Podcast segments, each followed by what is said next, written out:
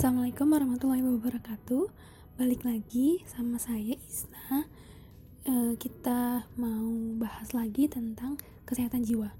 Topiknya masih mirip-mirip kayak podcast-podcast sebelumnya, tapi ini meng menambahkan kembali untuk ilmu yang bisa teman-teman praktekin.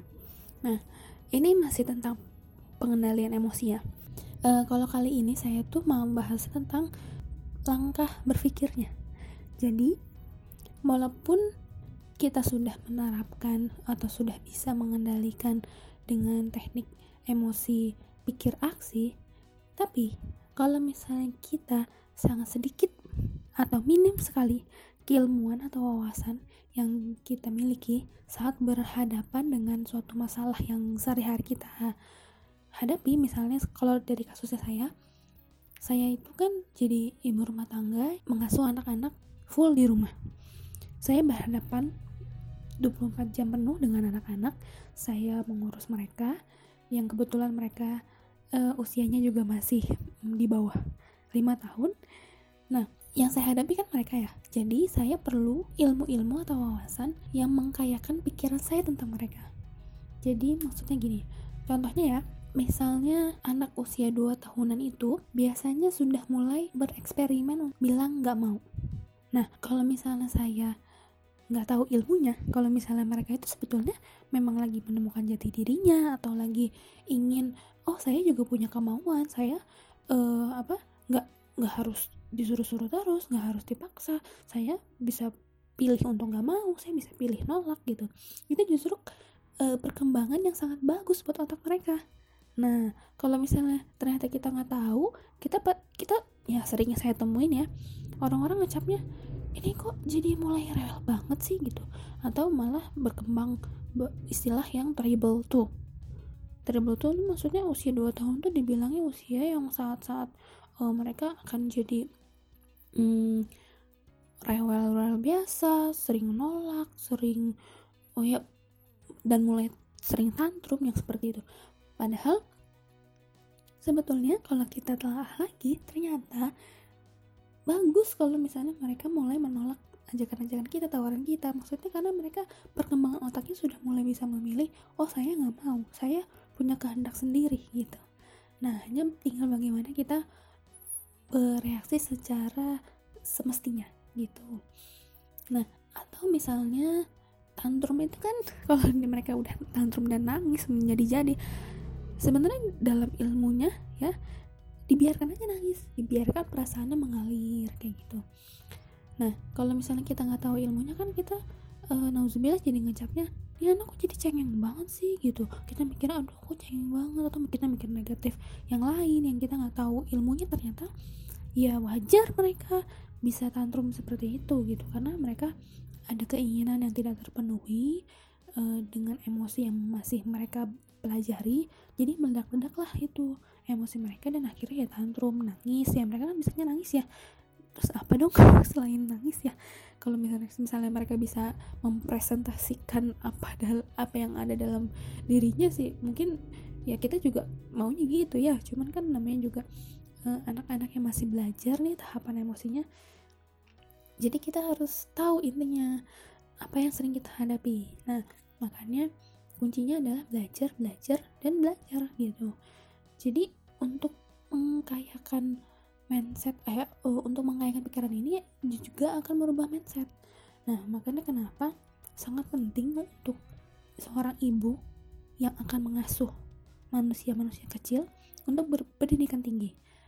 Karena ya ini karena berhubungan dengan teknik ini dia merasakan emosi negatif dan lalu dia ambil jeda dan dia berpikir akan hmm, akan jadi salah juga prakteknya. Kalau misalnya yang dia pikirin salah gitu ya kan? Kalau yang dia pikirin salah ya otomatis ya nanti dia akan berespon dengan salah juga. Misalnya yang tadi tantrum ya dia nggak tahu kalau itu adalah uh, uh, anaknya tantrum itu salah satu sarana pengekspresian dirinya. Jadi ya ya udah dibiarin aja sampai ngalir gitu asalkan aman ya anaknya asal kita jagain dan dia aman gitu. Kalau misalnya kita nggak tahu eh, kita uh, langsung penuhi keinginannya. Aduh iya iya iya mau apa tadi? Mau es krim padahal uh, dia udah makan es krim uh, banyak misalnya atau misalnya dia uh, punya keinginan yang sebenarnya aturannya nggak boleh gitu. Tapi karena dia menangis di jari terus kita oh nggak kepengen banget kalau misalnya ada anak nangis.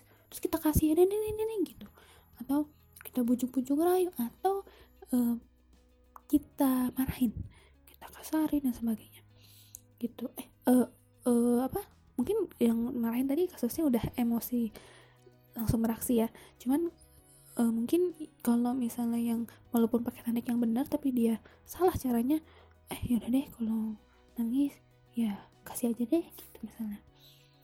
Nah inilah kenapa kita itu harus terus mengkayakan otak kita di bagian yang uh, tugasnya untuk mengumpulkan segala berbagai informasi itu.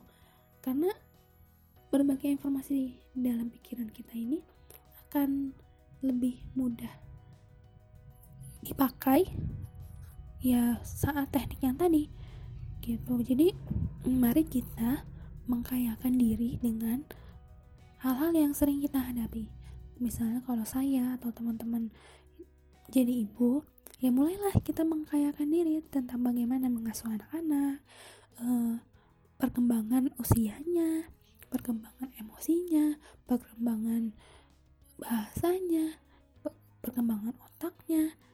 Ya perkembangan-perkembangan yang membuat kita oh jadi paham kenapa sih dia begitu gitu gitu. Kita jadi gak ngelangsa oh nggak jadi bingung.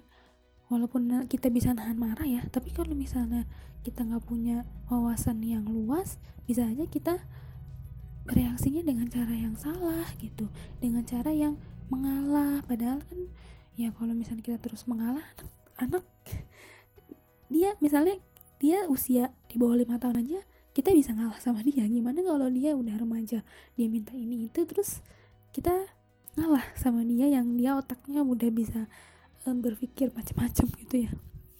Gitu sih. Jadi uh, intinya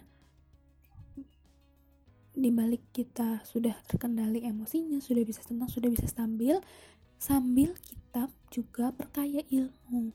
Perkaya ilmu tentang misalnya kalau yang berbisnis ya bagaimana caranya berbisnis menghadapi customers dan sebagainya gitu teman-teman. Intinya jadi berbanyaklah belajar karena dengan ilmu yang kita hadapi akan semakin mudah.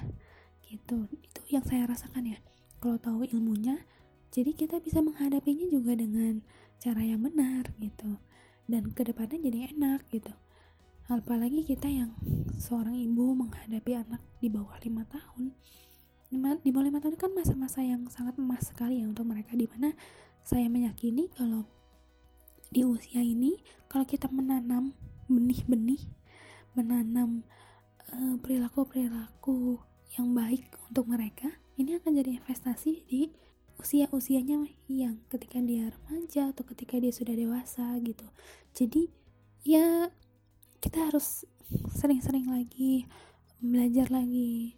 Ini juga sebagai notes juga buat saya pribadi agar bisa terus menyempatkan waktu luang yang saya punya dan untuk memprioritaskan belajar gitu. Nah sekian podcast dari saya. Semoga bisa diambil manfaatnya. Mohon maaf kalau ada kata yang salah. Wassalamualaikum warahmatullahi wabarakatuh